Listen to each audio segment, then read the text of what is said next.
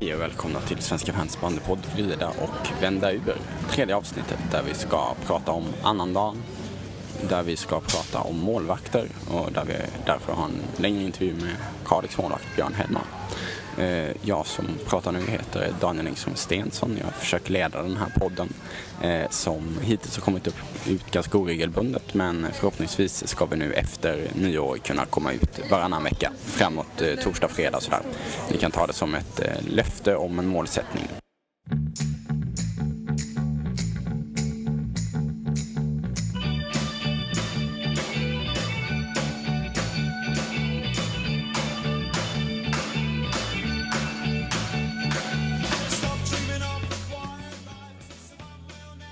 Med mig här idag så har jag Fredrik Wiberg som var med i förra avsnittet också. Eh, Hammarby-skribent på Svenska fans. Hur är läget? Det är bra. Eh, kul att få dyka upp här igen. Och sen så har vi eh, en nykomling i form av eh, Johan Bernevall som är Sirius-supporter. Ja. Någonting mer? Ja, jag är även chefredaktör för den eminenta bandytidskriften Bandyportföljen. Så är det. Där även du bidrar med att Precis. Jo, jag både, men är- när man är i Svenska fansammanhang så är man ju också, får man ju öppen vilket lag man håller på. Så här släpper jag helt den journalistiska objektiviteten idag och försöker vara mig själv helt enkelt. Precis. Och, och det här kanske säger någonting om Ska vi säga att det finns en viss inavel i bandyfamiljen på något sätt? Att vi sitter här nu med två svenska fanskribenter och sen så har vi två bandyportföljare och Ja. ja, Ja, det är, det är stor rundgång som bara slutar aldrig. Det går bara Precis. runt, runt, runt. vi ska försöka. Kul att vara här i alla fall. Detsamma, kul att ha dig här. Eh, det blir en liten annorlunda podd den här gången eftersom att normalt sett så har vi ungefär nu klippt in en intervju eh, och sen så har vi återkommit senare. Men eh, den här gången så gör vi så att vi kommer prata lite längre stund och det är helt enkelt för att i, imorgon så ska jag åka till Kalix och, och prata med Björn Hellman, målvakt i Kalix. Eh, Så drömnyår. Ja, verkligen. Det, vi, vi återkommer till det sen när vi ska sammanfatta bandyåret 2015, men jag hoppas ju att mitt bästa bandyminne från 2015 fortfarande ligger framför mig. Ehm, men så därför tänkte jag att vi ska prata om målvakter, så den, den första frågan är ju vad är det, vem är det som ställer sig i, i ett bandymål? Och då sägs det ju att man, eh, man nog är lite dum i huvudet. Tror ni att man måste vara dum i huvudet för att stå i mål i bandy? Jag vet inte, säger du Fredrik, har du någon spontan tanke där? Nej, det enda jag kommer att tänka på det är väl att de ofta får höra att det är speciella människor. Sen eh, om det är det eller inte, det får man väl intervjua målvakterna för att se, lära känna hur, det gjorde ett långt eh, reportage, eller reportage, en personporträtt var det snarare, av Andreas Bergvall för några, två, tre år sedan kanske, i just bandyportföljen. Och han, han var ju en sån som jag tyckte att det var en liten trött och ganska, ganska irriterande grej att säga. Liksom. Eh, han menar ju på att det är inte alls det, vi, vi är de som är smarta typ. Det var min känsla. Han, Men eh, det var nog mer att han var mer trött på själva klyschan kanske. Däremot är känslan när man väl träffar målvakter och pratar med dem och att de är ofta ganska udda karaktärer. Och Jesper Bergelin eh, som står i Unik nu, gammal Uppsala målvakt som jag känner hyfsat väl. Han, är ju liksom, han sticker ut på sitt sätt att vara. Han skriver krönikor då, så han är Mm. alltid lite nära till ett garv och liksom en udda fågel. eh, Sådär. Så jag tror det. Alltså jag tycker det som är skönt med målvakter i banden är att de verkligen är rockstjärnor på något sätt. Alltså de, när de gör någonting bra så är de ju liksom coola. De, de slänger sig och tar den där svinhårda bollen liksom. Eh, Så de har ju verkligen, ibland kan känna som vi var inne på här innan vi började spela in lite grann, att de har som inget att förlora på något sätt. Nästan allt att vinna. Lite som i handboll fast det kanske inte riktigt lika extremt men ändå liksom man förväntar sig inte att ett friläge ska räddas. Om man Nej. gör det så är det ju så jävla häftigt. Jag bara kolla på Martin Falk nu eh, mot Broberg på annandagen. Han fick ju alla rubriker efter den matchen efter att ha gjort två drömräddningar. Liksom. Mm. Så att, eh, nej, jag tycker de är rockstjärnor helt enkelt. Och jag önskar att, Ja, de, var, ja. att de skulle kunna vara ännu mer att det fanns fler som kunde vara lite mer liksom, starka personligheter även i media och sådär. Men jag var Ja. inte så journalist. De vill att de ska vara speciella. Så att, eh, jag vet inte om de är så speciella, men jag hoppas de ska bli ännu mer. Jag, jag tänker ändå att med målvakter, någonting som man får är ju... eh, Man man får ju en del tid att stå där nere och tänka. Liksom. Jag, jag, har ju, jag har ju en, själv en kort, kort karriär som bandymålvakt. Mm. Eh, I stort sett mellan 12 och 14 års ålder. Ehm, och det är ju inte för att jag är speciell, utan det är ju för att jag var dålig på det mesta andra och så, så fick jag stå. Men jag kommer ihåg att man stod där nere och så, så här, står man och funderar lite och sen så kommer det någon och skjuter ett stenhårt skott i kyla och det gör jätteont i händerna så det, det är ett konstigt konstigt eh, Man blir jobb speciell om man inte var, Precis, om man inte var det från början. Precis, så- om man håller på för länge så blir man kanske det. Ehm, men en sak som jag har tänkt på kring målvakter är ju egentligen att nästa, om man frågar vilken supporter som helst så känns det som att de tycker att de har en, de har en rätt bra målvakt. Just det. Liksom, frågar man dig Fredrik så tycker du att Patrik Hedberg är seriens bästa målvakt. Absolut. Det är... Inte ofta mot Sirius dock. Det känns som att han eh, tappade in ett par på sinken senast. Eh, Men eh, den här säsongen har han varit otroligt stabil i målet och eh, vi alla supportrar väntade ju bara på att eh, Sven Olsson skulle ringa upp honom.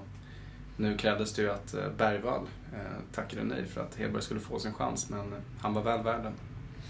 Och du tycker att Sirius målvakter är Jag jättebra. tycker Henrik Kjellson är makalöst mycket bättre än vad jag hade trott. Det är en reservmålvakt från Västerås som Ja. kommer och eh, vi hade Kimmo Kyllnen, finsk landslagsmålvakt året innan, som alla tyckte var fantastisk. Och nu kommer Kjellson och har, jag har dock inte sett alla matcher på plats, men jag har hört från andra Sirius-supportrar att han har varit fantastisk. Och även då Gustav Holmgren som stått eh, x antal av, eh, av matcherna, bland annat nu på en annan dag. En ung egen talang. Mm.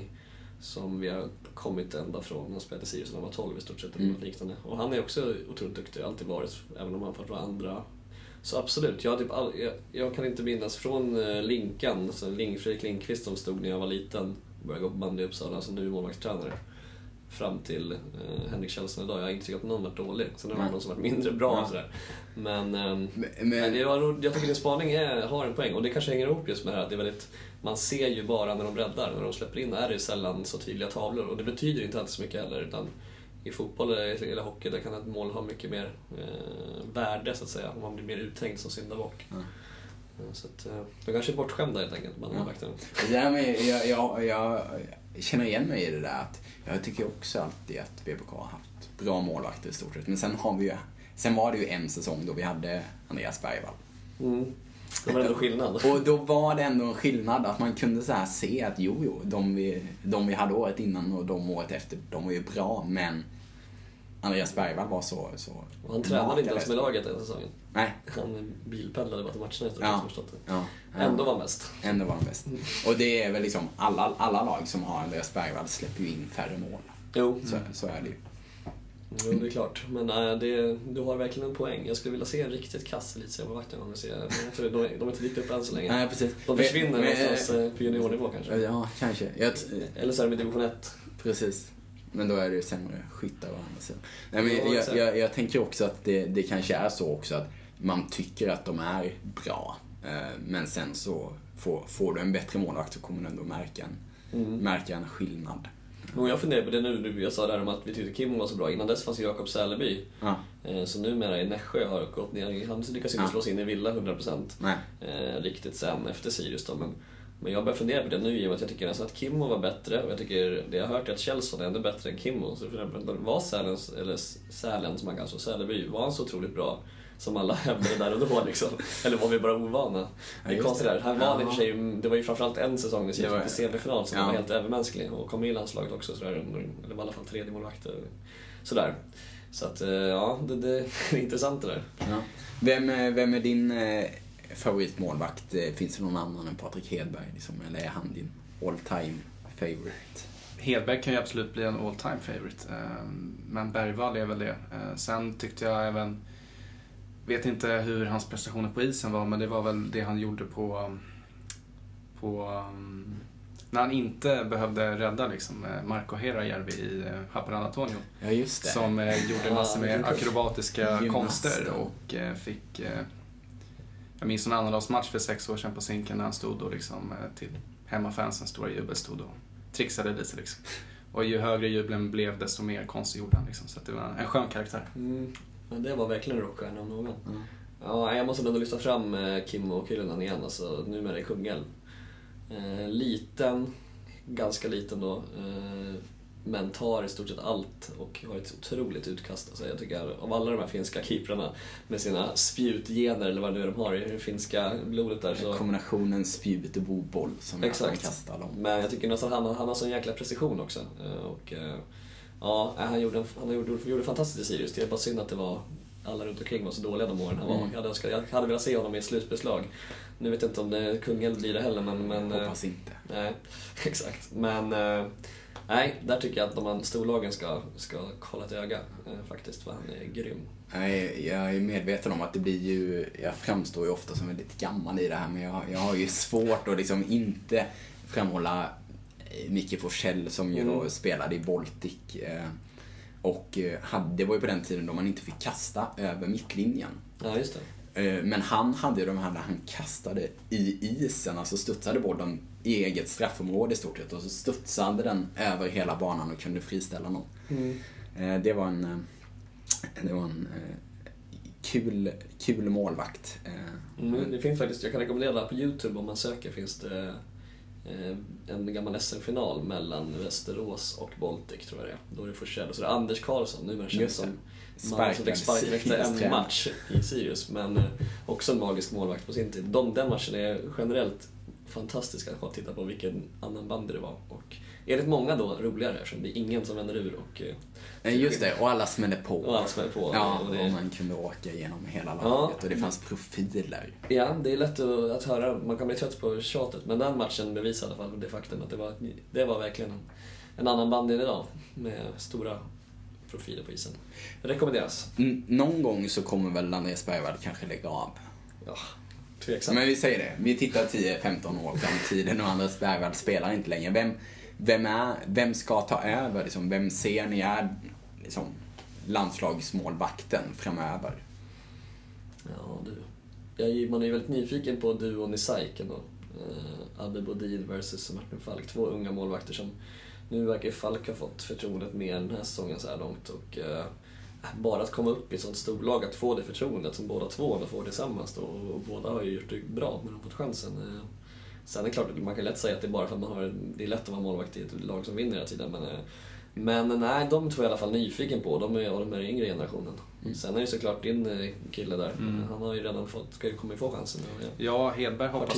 Hedberg hoppas man mycket på. Sen är det väl Joel Othén borta i Ryssland som kanske med tid tar över första spaden efter. Då hade vi lite grann liksom the chosen one känns det som. Mm. Att man, har, man har tyckt i alla fall. Sen eh, det är svårt att hålla koll på dem där borta. det går. Ja, ja verkligen. Men får man chansen som målvakt i Ryssland är man ju jäkligt bra. Så. Mm. Och eh, rutin ska ju inte underskattas. Det har väl Bergvall visat om inte annat under alla decennier håller man ju på säga. Ja. Jo, Ja, varje, han är verkligen. lite som Zlatan i fotboll också. Varje gång folk börjar snacka om att han är slut, då, blir han, då gör han liksom en en streak plötsligt när han gör tio matcher. Han är helt omänsklig. Ja. Liksom. Så det slutar aldrig Sätter man. Bergvall som målvaktstränare i framtiden kanske Sverige har någonting att hämta. Just det. Exakt. Men, men det är ju annars så, rutinerna är ju viktigt men samtidigt är det ju, du var inne på det där med SAIK, två unga målvakter. Mm. Det är ju många, många lag. Alltså Erik Persson i, i eh, Edsbyn som ju fortfarande är ung men Mm. född 95 som ju har gjort några säsonger då. Vi har eh, Holmgren i, i Sirius som är Mm. född 95. Arhonen i, i Bollnäs får stå en del.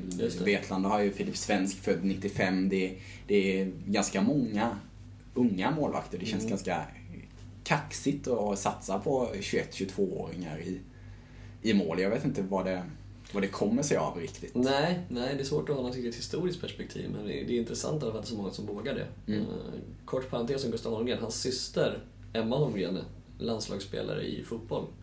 Eh, målvakt. Så där. Det Nej, ligger i ja. blodet där. Ja, Nej, men det där är spännande. Jag tycker det är väldigt modigt av klubbarna. Det är beundransvärt att man gör det. Eller, eller dumdristigt. Alltså jag Ja. vet i, i Vetlanda var det ju en diskussion verkligen där, där man då hade Jonas Persson, skorven, som Mm. hade stått länge och var otroligt bra. eh, Liksom, även de, de senaste säsongerna, men där man, där man helt enkelt eh, valde att inte ge honom något kontrakt. Och så Mm. skickar man in Filip Svensk född 95 istället. Och Talar vi om någon slags åldersrasism här i svensk bandy? Det kanske... Kanske. Eller så kanske det bara är så att man, man jag funderade lite på det med när Anders Svensson eh, ju inte fick plats någonstans. Att, eh, han är ju ändå eh, anses ju vara en av Sveriges två, tre bästa målvakter och samtidigt är det ingen som då väljer att satsa på honom om det är så att klubbarna inte tycker det är värt att satsa på målvakter om man helt enkelt inte tycker att en målvakt är så viktig att man, att man tycker att ja, men det kanske finns ett lite billigare alternativ någonstans och då, då Köper, man hellre en, en eh, anfallare istället. Kanske. Ja, då tror, jag man, då tror jag man kanske gör sig själv en otjänst i längden. Kanske. Men, Och det är möjligt att vi är ute på ganska djupt vatten här ja, också. exakt. Mm, nej, vi skulle haft någon sportchef här och Ja. se hur man resonerar. Men eh, klart är i alla fall att eh, det är någon slags trend att man ger unga chansen. Mm. Så känns det. Nu ska vi eh, då snart över och lyssna på intervjun med Björn Hellman. Är det någonting, nu när jag ska upp och träffa honom, någonting ni vill skicka med? Vad är det ni vill fråga en elitseriemålvakt? Ja, framförallt måste det vara spännande, du pratade om det här med att stå och vänta på bollen. Han måste ju ändå vara mer otacksamma liksom, med tanke på att han spelar ändå hälften av matcherna på Kalix IP. Då. Just det. Det kan inte vara jätteskönt sådär. Och man annars- har några knep för att hålla sig varm helt enkelt. Å andra sidan som målvakt i Kalix behöver man kanske inte alltid vänta så mycket på att anfallen och skotten Nej. kommer. Det är, det är, han håller sig igång på det sättet. Precis. Ja, kolla det man. Ja. Jo, framförallt de uh, utemålvakterna som, eh, som kanske inte har det så kul i alla förhållanden hela tiden. Men jag tänker främst de som får sitta på båset också, både i Kalix och på Zinkensdamm, hur de gör sig för att hålla sig varma. Mm, Jag har ju sett att Filip Berglund drar på sig något eh, stort täcke av något slag när han sitter där på bänken. Överlag, alltså reservmålvakter i bandy. Det är väldigt sällan man får hoppa in. Det är många bussresor till Bollnäs och... Det är Anders. Svensson i, landslagssammanhang, den evige tvåan. Ja. Men han fick ju i och för sig chansen när det var VM 2013 Ja. Och gjorde det jäkligt bra. Men jäklar vad han har nött bänk i, i landslagsdress alltså. Ja, intressant. Så är det. Nu släpper vi in Björn Hellman.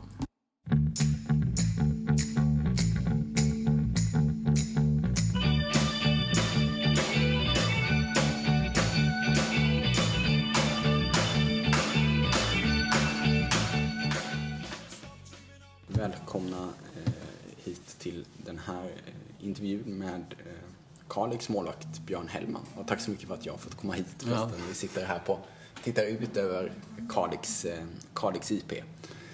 Eh, hur, eh, om man börjar där, varför blev du målvakt? Ja, framförallt så, ja, om vi ska ta från början så var det väl att det fanns inte handboll i Kalix när jag flyttade hit. Jag är från Dalarna, eller vi flyttade ner från, till Dalarna för att farsan skulle spela fotboll och så när vi flyttade tillbaka när hans karriär var över så då fanns det ingen handboll och det närmaste var bandymålvakt för jag stod i mål i, i handboll då. Så då blev det bara en slump att jag började med, Ja. med, med, med bandy. Eh, Så att du hade inte spelat någon bandy innan? Jag hade inte spelat någon bandy. Jag hade spelat ishockey och fotboll och stått i mål i båda delarna men jag trivdes att stå i mål i handboll.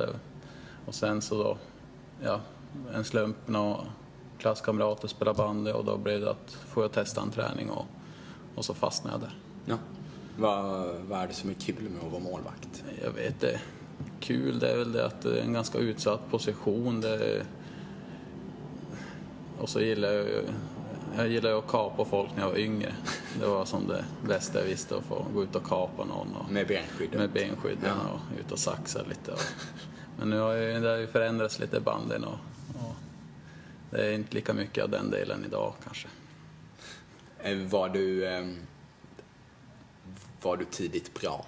Märktes det liksom tidigt att du, att du var bra på att stå i mål i bandy? Ja, jag vet inte, jag har inte tänkt på det själv men jag har ju alltid stått stått i mål. Jag har ju som aldrig suttit på bänken så, så något bra måste jag ha gjort känns det ju som. Hade du blivit bra ute? Andrej säger ju det, vår andra tränare. Han Ja. säger att jag, hade, att jag hade blivit duktig som utespelare. Jag skjuter ju bäst i laget. Såklart. Så är det ju. Kanske inte nu när Jimmy har kommit hem igen men innan dess. Men, Och vad är det liksom, vad är det man behöver för, för att bli en bra målvakt? Ja, framförallt för mig känns det som att skridskoåkning pratar man mycket bland utespelare men jag tycker nästan det är lika viktigt när du står i mål. För eh, ja, men, dagens band har förändrats lite grann. Tidigare så du stod nästan bara där och nu ska du vara med. Det är lite likt fotboll, du ska ut och ta bollar och det är snabbt i sidled och, och det är väl kanske min styrka, det är väl skridskoåkningen och sen så ska du då kunna läsa spel och ha ett, ett hyfsat utkast också. Så du måste vara bra på mycket för att nå toppen av målvaktsspelen. Men vad exakt är det i när du säger att man måste vara bra på skridskorna? Liksom, vad, är det, vad är det du gör med skridskorna som är bra? Så? Ja, men du, du måste vara snabb på skridskorna, du måste vara rörlig, du måste...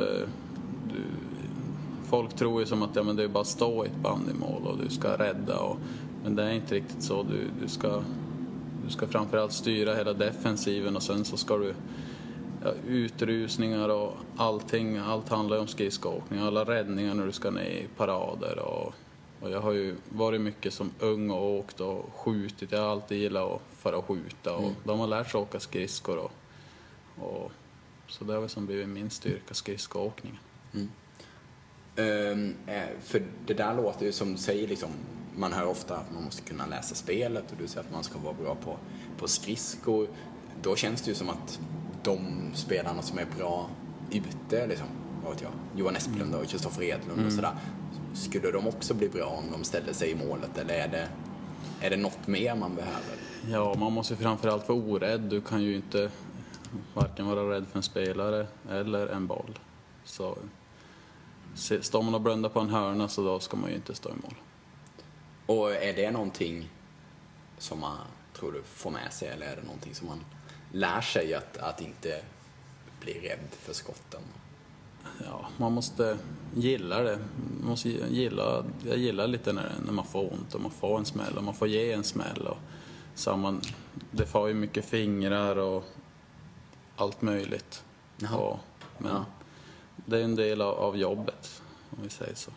Hur många gånger på en match liksom, får du riktigt ont av ett skott?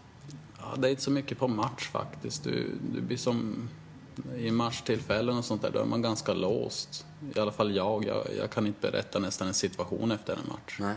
Som vissa spelare, de kan ju rabbla upp en hel match under 90 minuter. Men jag kommer knappt ihåg någonting. Jag blir så... Jag går in i någon bubbla så... Så blir som låst kan man säga. Jag läste när jag gjorde lite research inför det här att du, du står i någon form av tunnare handskar än vad, vad många andra. Vad, vad är det för handskar du har egentligen? Jag står ju i exakt samma handskar nästan som alla andra har, men det gummi jag använder det är ju, det är ju inte nytt utan det är ju flera år det har slitits och så det är ju som bara ihoplappade handskar då med, med jättegummit är så, det är så mjukt så att ja, du kan greppa vad som helst i dem. Som, Men ger det någon dämpning ändå? det är ingen dämpning i dem och grejen med att ha gummi, om du har ett mjukt gummi, det är att det blir, när bollen kommer så blir det att den, när du nyper ihop så har du lite mer fäste än om du har bara en vanlig gammal SM-handske till exempel. Då har du ju bara det är en sån fingrarna. handske som liksom... Ja, som alla, ja, och Körling och alla Ja, de hade.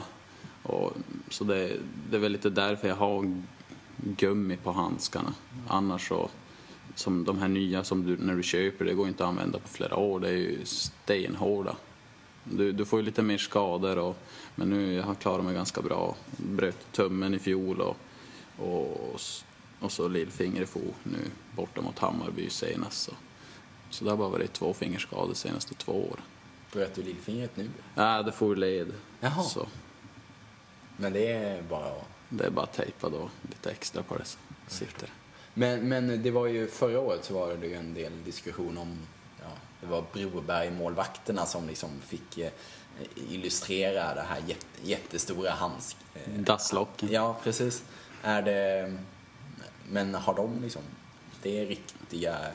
Det är ju, jag har ju provat det där, jag pratade lite med Martin Falk i Sandviken, han kör ju också med det där och eh, jag har väl hållit mig till en vanlig ni- nivå av storlek på handskarna. De har ju, jag vet inte hur stora de hade i fjol men det man har sett på bilder och sånt där så ser de ju ganska stora ut i alla fall. Men, eh, ja, men det är bra det där gummi faktiskt, det är en, lite likt det jag har men men som när man bor här uppe och det blir kallt så blir ju det stenhårt så det, det går inte att använda det. Det går att använda i halvmatcher och sådana där men nej. Det, det, det är bra när det är varmt men när det blir kallt så går det inte att använda. Men för då var det ju lite, jag vet, eh, som Wasberg var ute och sa där, ja men det var liksom det här extra, de här centimetrarna extra, att det är liksom en säkerhets, eh, eh, säkerhetsaspekt i det. För att eh, om man har för litet gummi så kan du få den på topparna och vad det var. Jo, men jag vet inte. det enda som jag tror kan vara bra att ha jättestora handskar det är väl att du ser större ut och skytten ser ingen, inga luckor om vi säger så. Nej. Men att rädda bollen så är det ju ja, det är maximalt att ha det din storlek på handen för det är ju där du ska rädda om. Även om du har ett gummi som sticker ut en halv meter utanför handen så du kan ju ändå inte greppa bollen eller det blir som bara att det böjer sig och så Nej, går den in ändå. Man, man räddar inget med de extra centimeterna. Så du har ju som bara där du har fingrarna ändå. Hur, hur tränar man som målvakt? Är det någon som står och skjuter på dig och så försöker du rädda? Eller? Ja, vi har ju nu fått eh, första gången vi har haft eh, målvaktsträning överhuvudtaget i Kalix bandy och det har vi haft i vinter. Under försäsongen och, och i vinter. Och vi, så det, det har ju gått lite framåt. Man har ju fått sköta allting själv känns det som.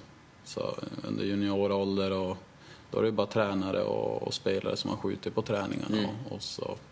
Men nu har vi ju fått specifik målvaktsträning och vi får välja lite själv och, och de lägger upp, eller han lägger upp då Micke Hult eh, vissa övningar som vi ska göra. Så det har ju varit mycket bättre försäsong i, i år än vad det har varit tidigare år. Som, ja, det, alltså, enligt mig så förstår jag inte om en målvakt ska göra samma försäsong som en utespelare. För det är helt olika grejer vi ska göra. Jag, jag till exempel kanske inte behöver åka skridskor eller vara uthållig i 95 minuter Nej. utan jag ska vara mer explosiv när det väl händer. Som läng- det längsta jag kanske ja, agerar i en, i en situation, det kanske är på 30 sekunder och inte 10 minuter. Så att det är ju en helt annan träning och det har faktiskt blivit mycket bättre nu känns det som. Ja. Ehm, är det någonting som du känner att du behöver förbättra? Det finns alltid saker att förbättra. I vad man än håller på med så ska man bli bättre så måste man ju förbättra allting. I, det är ingenting man blir färdigutvecklad i och speciellt inte som bandymålvakt eller ja, fotbollsmålvakt eller vad man än är så det finns alltid någonting att utveckla. Hur, hur stor skillnad är det på, ska man säga, de bra och de dåliga eller mindre bra målvakterna i elitserien? Ja, jag, jag brukar ju säga så att en målvakt ska ju inte bara rädda bollen. Det är inte det är inte det, det handlar om egentligen. Du ska kunna veta vars du räddar bollen, alltså vars du styr bollen. Till exempel om du inte kan hålla bollen, undvika en retur. För idag så är det ju många som de drar ett långt avslut bara för att få en retur och en ny situation. Men jag jobbar mycket på att om jag inte kan nypa den så ska jag styra den åt ett håll eller jag lägger ut den till hörna eller vad som helst så man inte gör det så svårt som möjligt. Mm. En, en sak som vi pratade om eh, när jag satt med, med Johan och Fredrik i, igår och pratade om målvakter är att egentligen från läktarhåll så blir det lite så att alla tycker nästan att ens egna lag har en bra målvakt. Eh, för att man, ja, liksom, man ser räddningarna och räddningarna ser, ser snygga ut. Eh, men det måste ju ändå, ändå vara eh, det måste ju ändå vara stor skillnad på de flesta ser att Andreas Bergvall är lite bättre än de andra. Men sen så bland de andra kan det ibland vara svårt att, svårt att se vilka som är bättre. Om du skulle liksom ge oss på läktaren och, något tips, liksom, hur, hur ser vi om vår målvakt är bra? Ja, det, det är lite svårt. Det är, det är upp till var och en att se och vad man tycker. Och som ja, många tycker Bergvall är väldigt bra målvakt. Och han kanske är Sveriges största målvakt genom alla tider och vi kanske aldrig kommer få något större. Jag vet inte hur länge han har varit i landslaget, men det måste vara i 20 år nu. Mm. Så, och det är ju precis det jag pratade om tidigare, det med returer. Och Bergvall är ju jävligt bra på det där. Att om han släpper en retur så vet han var, vilket håll han släpper returen åt. Utan han, det är många målvakter som bara står där och tar bollen och så är det en räddning. Mm. Men det, man måste som, ja, jobba ännu vidare på det där. Mm. Hur viktig skulle du säga att målvakten är för ett lag? Alltså hur, hur mycket gör det för, ett, för en målvakt att ha liksom en medel, skillnaden mellan att ha en medelbra målvakt eller en bra målvakt? Ja, jag tror att det är viktigt. Speciellt, ja, till exempel Bollnäs hemma gör jag två misstag. Och då, vi förlorar ju matchen med 5-2. Mm. Och utan målvakt så kan man inte vinna en match. Och när en målvakt gör misstag så då blir det jobbigt att vinna matcherna. Och det är inte samma sak som en, en, en, back eller en, en halv eller en forward eller mittfältare gör ett misstag. Det, det går ju alltid att räddas upp. Mm. Men målvakt är ju en utsatt position och, och har man en duktig målvakt så då är det en trygghet för hela laget. Så jag tror ju absolut att det är bland den viktigaste Mm. positionen i, i laget. Känner du att ni, eh, vad ska man säga, uppskattas därefter? Ja, man uppskattas ju när man gör något bra och man, man får ju höra när man gör något dåligt, så är det ju. Och det är ju en del av jobbet och det är väl därför man väljer det här med att vara målvakt. Man är ju i utsatt position, alltid. Man blir hyllad när man vinner och man blir sågad när man förlorar. Är det så också att man är mer utsatt kanske, som du spelar i Kalix, som eh, ofta ja, ska, ska ni slå eh, de bättre lagen så krävs det kanske att du gör en, en bra match. Medan om man står i Sandviken så kan man ibland tappa in en boll och det... Så är det ju. Det är lite lättare kanske att, att vara målvakt i en större klubb. Även om vi kanske jobbar lite mer på defensiven, men du får en helt annan trygghet om, ja, till exempel då Sandviken har Kristoffer Edlund. Jag vet inte hur många mål han gör per match i snitt, men vi säger fyra då. Mm. Han är ju duktig och det blir en helt annan trygghet för, för, för alla på planen. Och så, ja, men så är det. Mm. Hur mycket bättre är det om man tänker när, när det kommer någon som ska avsluta mot dig? Eh, hinner du, eh, har du alltid koll på vem det är som avslutar och du, och du vet att ja, nu är det, ja, som du tog upp, Kristoffer Edlund eller så är det, vad vet jag, nu möter ni Vetlanda snart, nu är det liksom Viktor Törner som kommer i ett läge, då är du inte lika... Nej men så är det väl lite, man vet ju lite, när man möter Edlund till exempel, nu blir det mycket om han, men han kan, han kan ju från ingen vinkel alls sätta upp den i kryss eller var som helst. Så att man måste lite mer vara med på när de här större kommer än de här, ja, men de här medelspelarna. Mm. Att då kan du, det är lite lättare då för du, du vet som aldrig vad, vad de ska hitta på och du måste som, ja, lura dem innan de lurar dig, känns det som. Mm. Eh, Finns det också något sånt att, eh, alltså ditt samspel med försvararna, att nu kommer det en, alltså du sa, en medelbra spelare, låt honom skjuta för jag tar det. Ja, men vi har väl lite så i alla fall, vi i Kalix bandy så är det väl att vi ska bara hålla mitten och sen så all, allt som går utanför mitt, mitten då, det, det är mina bollar. Så att de ska få gå runt varje gång och det är bara att skjuta och det, allt ska vara mitt. Ehm, två frågor som vi pratade om igår. Det ena är ju den här som jag antar att ni får höra väldigt, väldigt ofta, men att det verkar ganska puckat att ställa sig i ett bandymål för att det är kallt och bollen är hård och liten sådär. Är du... Behöver man vara lite dum? Det är ju den klassiska frågan. Ja. Jag, Ja men så är det väl kanske lite att, ja, man, man, jag brukar ju alltid säga att man, alla målvakter är dum i huvudet, inklusive mig då. Mm. Så. Ehm, och en annan fråga. eh, Du som står i ett, i ett utelag, nu har det inte varit så där väldigt kallt eh, än så länge i år, men de matcherna när det är 15-20 minus, hur, hur håller man värmen? Ja, det gäller att klä på sig och inte svetta upp sig. Och eh, sen så, ja vi har ju ganska ofta den där kylan så vi har väl, vi här uppe har väl lite lärt oss och det blir väl lite värre för de här som, ja, kommer upp en match och så är det 20 minus. Och inte förberedda och, men nej det är inga problem för mig det här med kyla. Det är nästan värre det här i en hall när det är plusgrader. Det, så. Det, att det blir jobbigt för att det är varmt eller? vad? Ja, man måste ju dricka ännu mer och, och man är ju lite sämre på det där när man är van att det är kallt och så kommer du till en hall och så är det plusgrader nästan och du svettas ju flera liter känns det som. Mm. Det blir tyngre. Är det någon hall som är... En del hallar är ganska kalla, men så är Lidköping är ganska varmt. Och... Lidköping är ganska och Västerås är ganska varm hall också. Edsbyhallen tycker jag väl är, är bland de bästa i, i den synpunkten att det, det är nästan som att spela ute fast du är inne. Mm. Ja, den är fin. Eh, om vi går över lite på, på dig. Eh, så eh, förra året så var du med i Bandypuls Mm. landslaget och du sa också här tidigare att du har varit med i U23-landslag och 19 och, Mm. och 15 års landslag.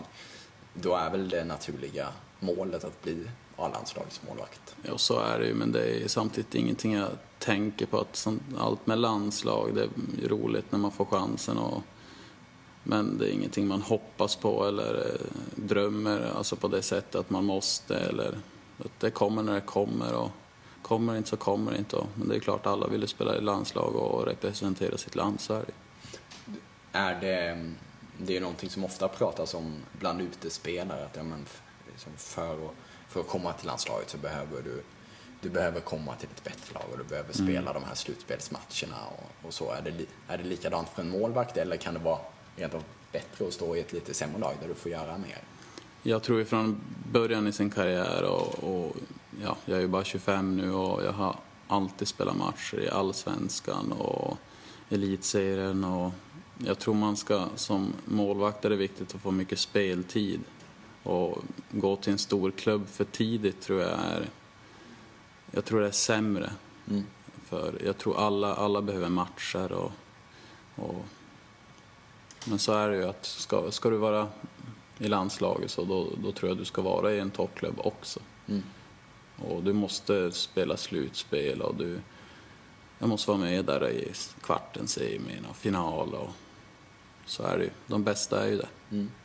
Hur långt från landslaget känner du att du är nu? Eller liksom om du, för di- din egna lilla ranking liksom över Sveriges bästa målvakter, var, var hamnar du där? Ja, det, jag, jag vet faktiskt inte. Jag brukar inte jämföra mig med, med andra målvakter men, men jag tycker Sverige har en, en bra landslagsmålis nu och, och jag tycker han fortsatt ska vara det så länge han spelar. Ehm, in, inför säsongen så kunde man läsa en del om att du var ganska nära eh, du var ganska nära en flytt, eller du hade åtminstone en del anbud som du, som du funderade över. Mm. Ja men så, så är det väl och vi, vi har väl funderat länge. Vi, när vi började fundera ut och att flytta, och, för det, det är inte bara att flytta som alla, alla tror. Man måste ställa in sig tidigt på det. Och, men då fick vi då barn när vi, ja, det var mest aktuellt att vi ville flytta och sånt där. Och då sköttes upp på det och vi kände att nej, men vi stannar kvar och, och tar det här med, med, med barnen först. Och, och sen så, ja men det är som man vill ju utvecklas och man, man vill spela slutspel och vara med och nosa om ett SM-guld. Och ska man vara realist så, så, så kommer man väl aldrig ha den chansen att vinna ett SM-guld i Kalix. Så enkelt är det ju.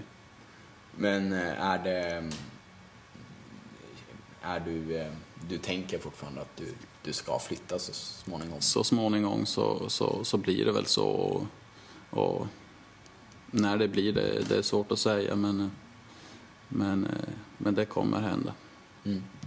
Och vad, vad, vad kommer då vara viktigt när du, när du väljer klubb? Ja, det viktigaste är väl när man väljer en klubb, det är väl att tränaren ska ju vilja att man ska dit, att tro på en. För det är det viktigaste som målvakt känner jag, det är att ja, du har en tränare som står bakom dig. Även om du gör ett misstag, även om du är bäst eller vad du än är, så, så det känner jag är det viktigaste. Ehm, eh, vi, du nämnde tidigare den här Bollnäs-matchen där du, där du gjorde några misstag och så var du det var väl på eh, bandyfeber tror jag, där du liksom var, eh, det var ganska underhållande att läsa liksom, hur, hur, hur, hur du sågade dig själv. Liksom, det var bättre att sätta sonen i mål och du var helt värdelös och, och sådär.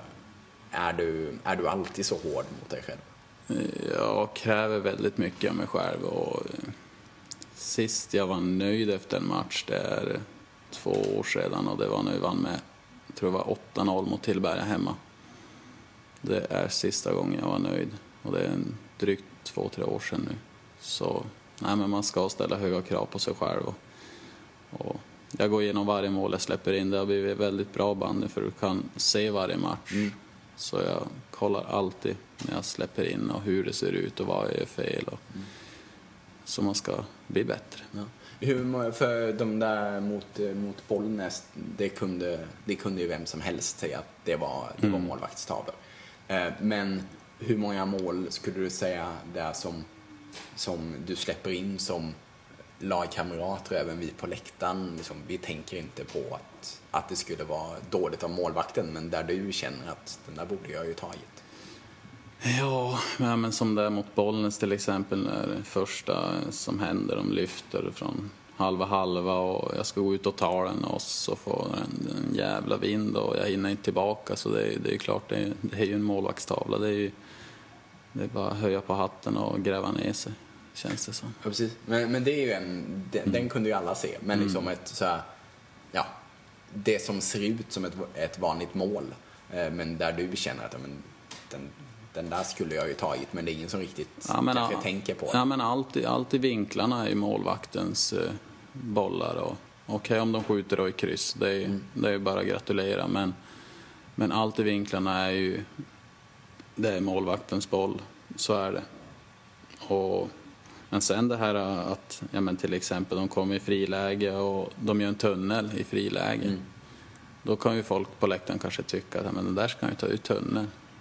Men det är ett ganska bra avslut i bandy för i hockey som hockeymålis då har du en klubba som du kan täppa igen den där ytan med men i bandy så har du inte den där. Så det är lite båda delar. Eh, när vi eh, pratade lite här innan om, om eh, att du kanske någon gång ska flytta och sådär så, så sa du att ja, men, då är du lite orolig för, för vad som händer med Kalix för det är inte så lätt att hitta en målvakt här uppe och, och sådär. Hur, vad säger du allmänt om liksom, bandyn i, i Kalix och hur mår bandyn i Kalix? Ja, jag tror väl den går- mår ganska bra banden i Kalix, alltså i Kalix band i alla fall. Det har väl gått ner sig lite grann i Karlsborg och Nyborg och men eh, som nu i Kalix, vi har fått igång alla ungdomar, de här yngsta, bandyskola och det är fullt med ungar och det har blivit många bra ledare och det har blivit bra rush. Men sen det där när alla, alla sticker från Kalix då, flyttar söderut och då måste man ju ändå tänka att ja, men man kanske bara är där i tre år. Eller man kanske stormtrivs och är där i hela sitt liv. Det vet man ju inte. Men om man då den dagen ska hem så måste man ju fundera också att när man väl kommer hem då vill man ju att Kalix ska vara i elitserien, fortsatt vara där. Så är det ju. Och, och, ja, men det, det, det är en avvägning man måste göra när man flyttar. Och, och jag, men jag tror ju att Kalix fixar det där om, om den dagen jag lämnar eller någon annan. Så. De har ju löst alla värvningar nu hittills när någon har dragit och sådär. Ja. Så. Hur, hur viktigt eh, skulle du säga det kan vara att eh, alltså, Kristoffer Norin då som en av de få spelare egentligen som har liksom, flyttat upp hit. Annars har det ju varit mycket ja, folk från närområdet och Finland och Ryssland som, som har kommit hit. Eh, känns det viktigt att ni har lyckats med en sån värvning och att han verkar trivas? Han har ju fått anbud söderifrån igen men valt att stanna kvar. Ja, men så är det ju. Det är, ju- det är roligt när det, när det händer det där. Och, och som Norin är ju en väldigt bra kille också. Så att man har ju fått lära känna en, en, en kille från Lidköping som är duktig bandyspelare. Och det är bra gjort av Kalix att hitta han. För det, ja, som sagt, det är ju bra från Kalix sida och sen är det bra från Norins sida. Man ska inte glömma att han, han flyttade ända upp till Kalix. Det är ju 100 mil hit och han vet ingenting om om hur det är här och allting. Och, ja, jag tycker det är bra gjort av Kalix. Och, och, för det, det är ju en prövning. Det är ing, man vet ju inte så mycket om, om värvningen. Nej. Det är inte så, så lätt att veta. Och, nej, men det är bra gjort av Kalix. Och en annan värvning som jag tänker underlättade lite, för dig i alla fall, var ju när Olof Englund kom hem. Hur, hur mycket lättare blir målvaktsspelet när man har... Ja, men så är det ju. Olof Englund är ju en av världens bästa backar och, och eller libero. Men det är väl klart det, det blir lättare för mig men, men samtidigt vi hade bra innan också och han spelar nu back i Jonathan Johansson och så. Nej, han har lärt hela försvarslinjen och det har tagit en stund att lära efter för han kommer ju med mycket grejer som, ja, som vi inte är van med och från början där och nej, men han, är, han har bara positivt sen Olof kom hem. Ehm, vad säger du om Kalix säsong hittills? Ja, jag tycker vi har gjort en bra säsong. Eh, vi har väl blandat och gett lite grann och haft eh, lite trögt med, med målskyttet men, men som nu senaste matcherna när vi har mött Villa hemma, Villa borta och så har vi Bayern borta har vi gjort tre riktigt bra matcher och, men det känns väl lite där att ja, det, det saknas lite grann för, för att, att kunna slå dem. Men, men vi, har, vi har gjort bra matcher. Vad tror du att ni hamnar när 26 omgångar är spelade? Jag hoppas ju att vi hamnar på slutspel och det är väl lite det, det vi har satsat på, i alla fall jag. Men, eh, men vi får se. Blir det inte slutspel så blir det väl kval och då är det roligt det också. Ja, ja du sa innan att det är roligare med kval än, än ingenmansland. Ja, så är det ju. Att jag tar ju hellre ett kval än ett, än ett ingenmansland. Då får man ju lite längre säsong. Ehm, hur, hur känner du att ni, ska man säga, drabbas av att ni eh, har en besvärlig försäsong jämfört med många andra lag? Ja men så är det ju, men det är ju samma, det är inte bara vi. Hammarby har väl också haft lite strulig försäsong, får träna i rink och så. Och jag vet inte, vi är ju som bäst i början också. Vi, vi har ju ledat serien två år i rad efter tre omgångar så, så jag vet inte om, det, om vi kan skylla på det heller. Det blir sämre av att träna. Ehm, men, men det tar en, en annan eh, aspekt att ni, ni reser ju också otroligt mycket. Det är någonting som, som sliter. Det är en väldigt kort och intensiv säsong eh, med Ja, men jag tycker inte sliter, men det är väl att man är van med det här och jag tycker mer det är skönt att, att få komma bort och du får åka lite flyg, det tar en timme till Stockholm och så åker du buss och så bor du på hotell och så dagen efter så har du match och sen åker du hem och kanske inte tar dig hem på kvällen så du sover en dag till på hotell och Just det, för, för småbarnsföräldrar som helnattssömn. Ja, men så är det. Men man får inte säga det högt när man kommer hem att det har varit lugnt och skönt för då blir det bara jobbigt. Ja, såklart. såklart. eh, ja, fint. En, en sista sak som jag funderat över och tänkte också när vi var nere i omklädningsrummet här. Varför nummer 11? Ja, varför nummer 11? Det är ju för att eh, Zlatan hade nummer 11 i Milan. Och jag tyckte det var så uttjatat att ha nummer ett. Det, var, det ju som var ett standardnummer för alla målvakter. Och så la jag till en etta till. Fick Nej. jag mitt eget. Ja. Har du pratat med Abbe Bodin om varför han har 11? Nej, jag har faktiskt inte gjort det. Nej, Så. för det känns ju unikt att det är två målvakter som kör. Då kanske man måste byta eller så får han byta. Ja, ja ni får väl klunsa om det eller något. Fint, tack så mycket. Är det något mer du skulle vilja säga? Ja, men tack, tack. Säger så.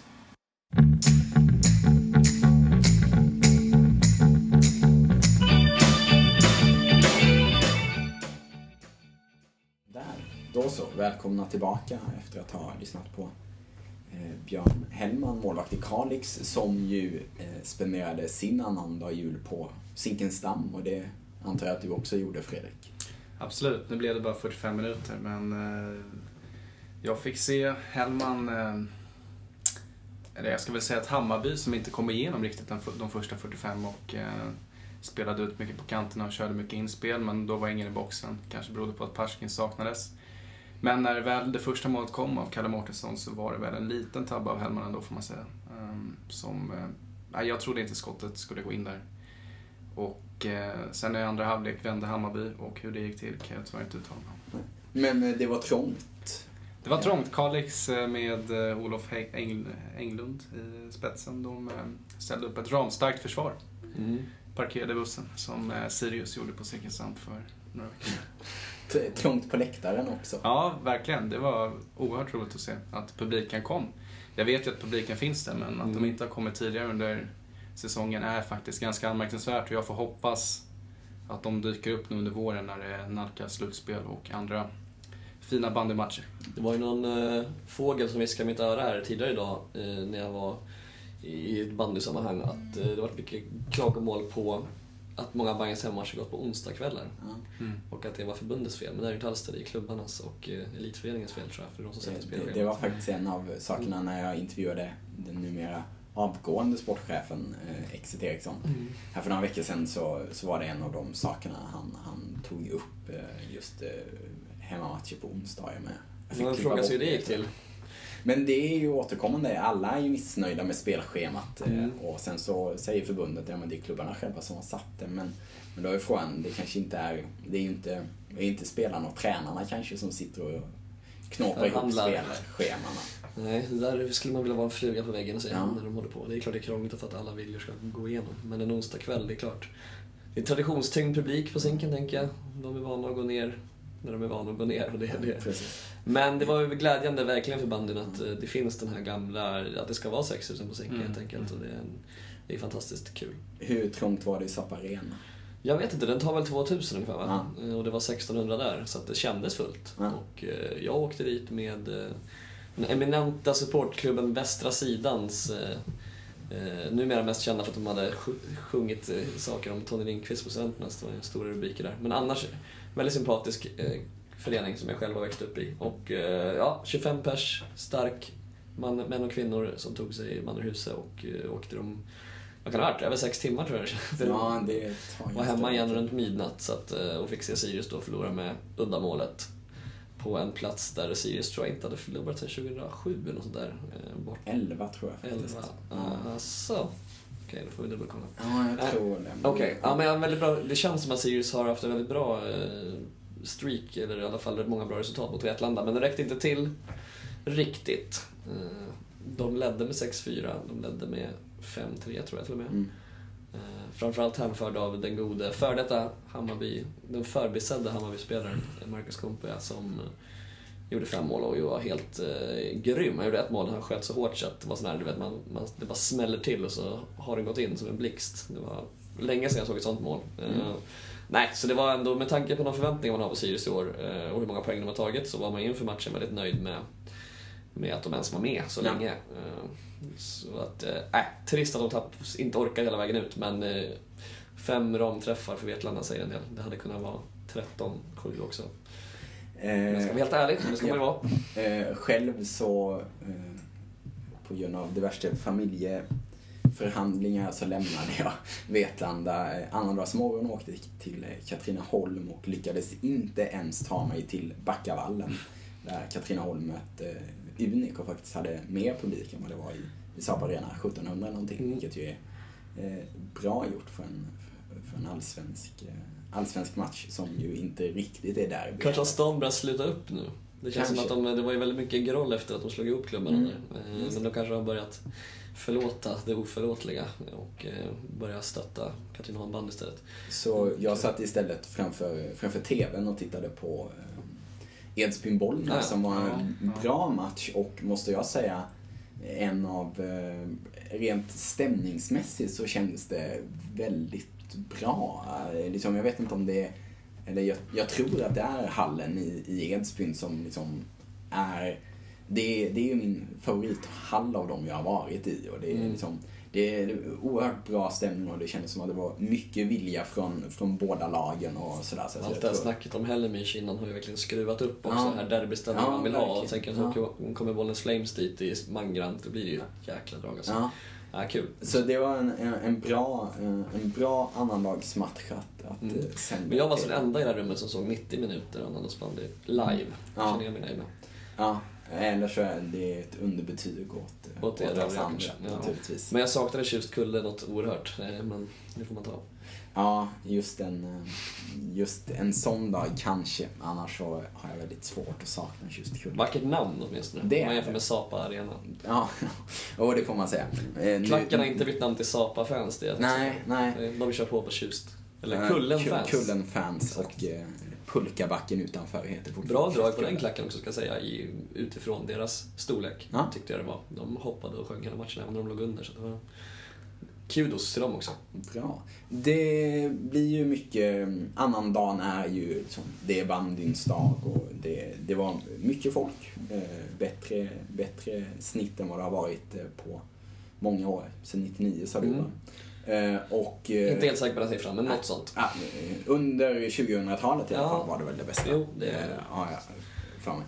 Mm, och det står i kontrast ganska mycket mot det här snacket som det har varit om, om svaga publiksiffror.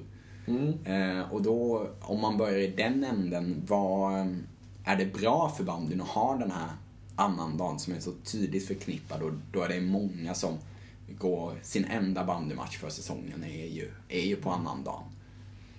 Nej, jag tänker det kan inte vara dåligt i alla fall. Det blir ju någon slags... Eh, man får hoppas på att det blir ett dragplåster framförallt till eh, söderpubliken att om de fräls Mm. Av den matchen så är det ju liksom att man kan ju hoppas att det kommer några fler åskådare då.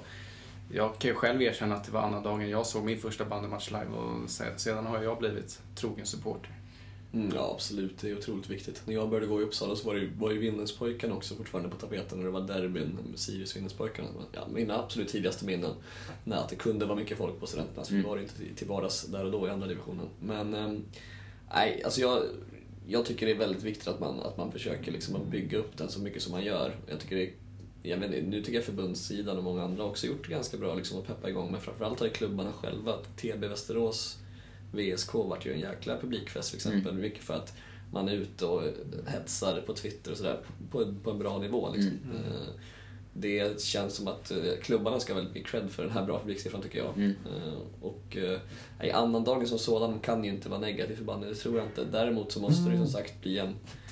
Det måste ju bli liksom en, en förlängning. Till exempel 13 dagar har ju funnits som en tradition också. Ja, som är borttagen. Som är borttagen, vilket jag tycker är väldigt dumt. För, då, för det var väl också ett sätt att det finns en till då bara ganska kort därefter ja. för den publiken som fastnar så att säga.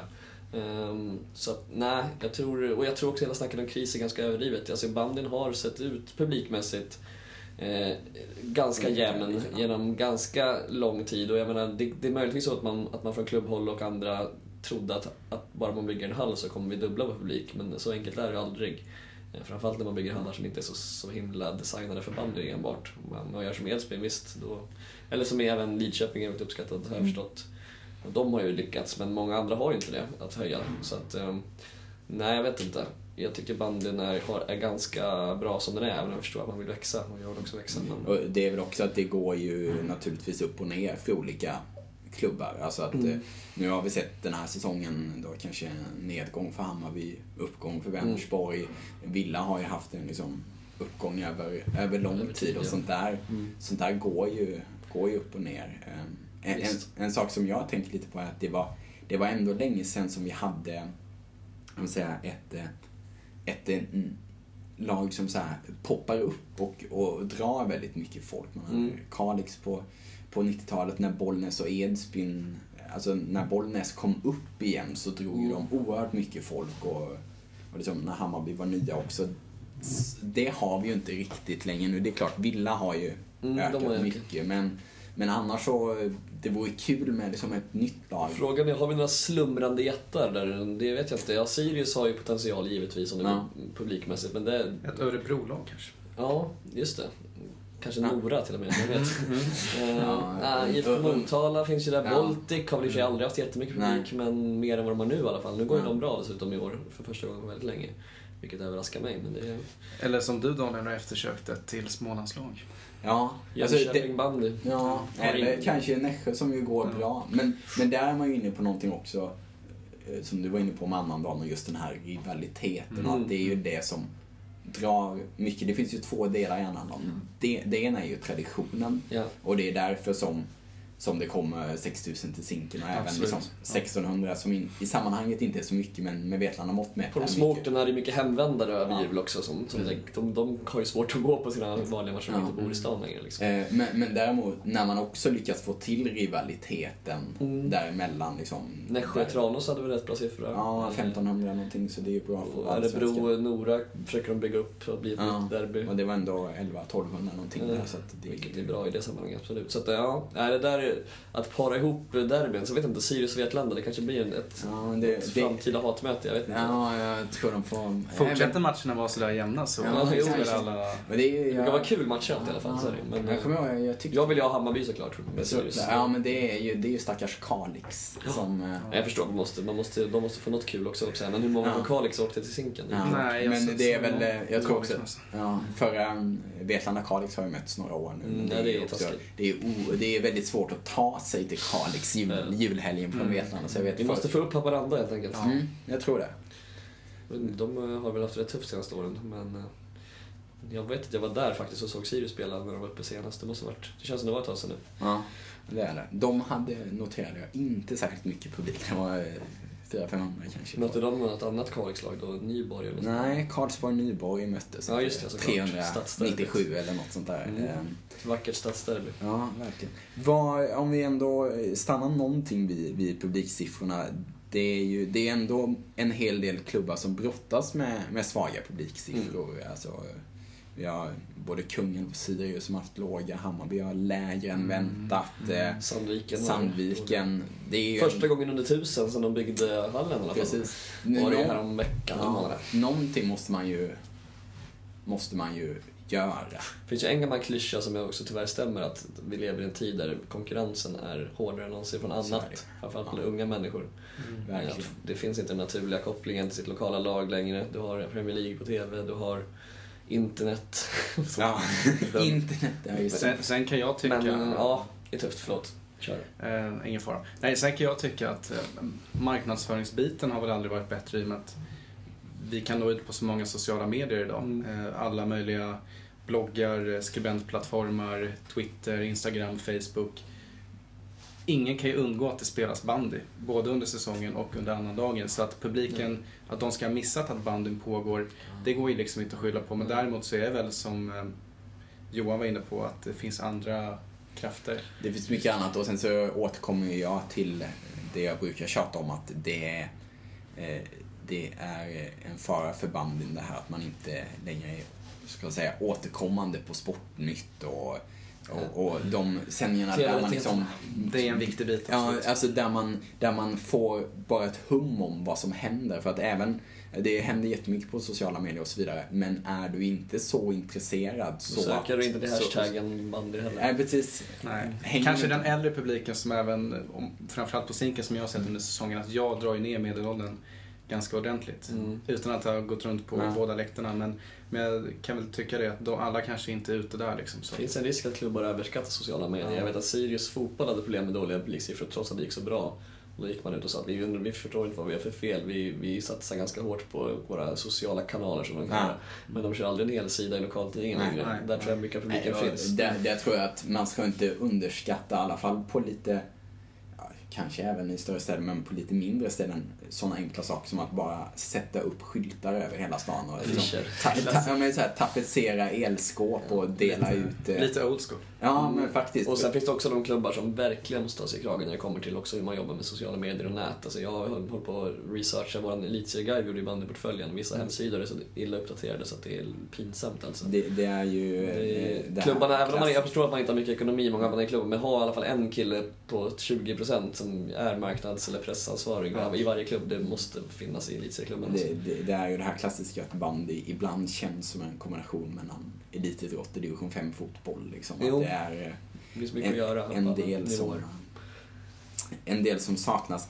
Om vi då ändå, eftersom att det här kom ut på nyårsafton, som ju också tidigare var en eh, klassisk bandydag, Mm. vet jag att min, min far brukade prata om i alla fall. Och fortfarande, här någonstans är det Gustavsberg som brukar spela på nyårsafton, Mm. tror jag det är. Och, Den klassiska ja. ja. Vad är det, Och- tomtedansen i Karlstad? Det var nog inte, just det, det var nog på, det var på jul. Ja, de hade också någon sån vintermatch där. Eh, Men eh, om vi kort sammanfattar bandyåret 2015 och sen blickar framåt. Vad är, vad är ditt starkaste bandyminne från 2015? Som vi löper över Ja. två halva säsonger. Jag satt ju och tänkte på det, eh, i och med att det var kalenderåret så får jag väl ändå ta när vi mötte Sa- Sandviken i semifinal och vi vann första matchen uppe i Göransson Arena. Sen kom de ner till Zinken. Det var ju en otroligt bra bandymatch med mycket publik, eh, känslor från minut ett, spelet vände fram och tillbaka. Matchen slutade 6-6 eh, och så gick det till förlängning, sedermera till straffar och Marcus Kumpea avgör.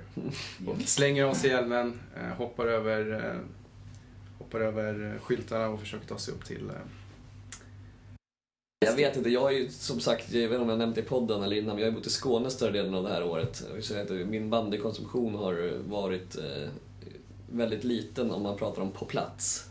Försökt se så mycket som möjligt på olika streamtjänster och annat eh, och varit på plats när jag kunnat. Men eh, jag vet inte, en, ett väldigt kärt minne var ändå när jag var i Fredriksbergs BK. Jag var inte i Fredriksbergs BK, jag var i Ronneby och såg Fredriksbergs BK möta Tjust, tror jag det var, eh, bandy i fjolårets division 1. De åkte tyvärr ut då, Fredriksberg. Men de har ju alltså en, en konstfrusen bana sedan, jag vet inte, knappt 10 år tillbaka, ännu mindre 5 kanske det är. Som heter Lugnevi, som ligger mitt i en skog. I, i, och det är alltså Sveriges sydlig, sydligaste konstfrusna bandybana. Och det var en otroligt vacker inramning. Det var kanske 150 personer där. Främst klubbens egna funktionärer och barn och ungdomar som spelar där. Och eh, de har kämpat, alltså det finns vissa äldre herrar där som har kämpat i 60 år i- mer eller mindre för att få den här Konstgräsbanan. Och att de är så stolta över att kunna ha ett lag som spelar sina hemmamatcher där i orten. Alltså det var en cool upplevelse eh, att se bandy på den gräsrotsnivån i en sån väldigt idyllisk inramning som det var där på Lugnevi. Och kul för mig som bor i Skåne då, eller bodde i alla fall då, att bara kunna åka knappt två timmar med tåg och se bandy. Eh, Så det var en, väldigt fint minne. Ja, jag tror att om vi hoppar då från gräsroten till den absoluta toppen så måste jag nog säga att VM-finalen som jag ju vilken bara match. såg på TV, men Mm. det var liksom ändå eh, jag, jag, jag har aldrig sett bandy gå så fort och liksom det var, det var så kul att se den Mm. matchen. Så jag tror att det är nog ändå liksom när jag eh, när jag eh, om x antal år tittar tillbaka på 2015 så tror jag att det är VM-finalen. Mm. Och så möjligtvis... Senast blev förlust bara, det var det som Ja, naturligtvis. Annars hade det varit en klassiker. Precis. Och, och så liksom kommer väl också 2015 för alltid vara ihågkommet som liksom, säsongen då en Twitter-sportchef lyckas håsa upp eh, Tillberga så att halva band i Sverige tippar dem till slutspel och eh, Mm. Där, var vi, där var vi många som muttrade redan då. Vi har fått Ja. rätt hittills i alla fall.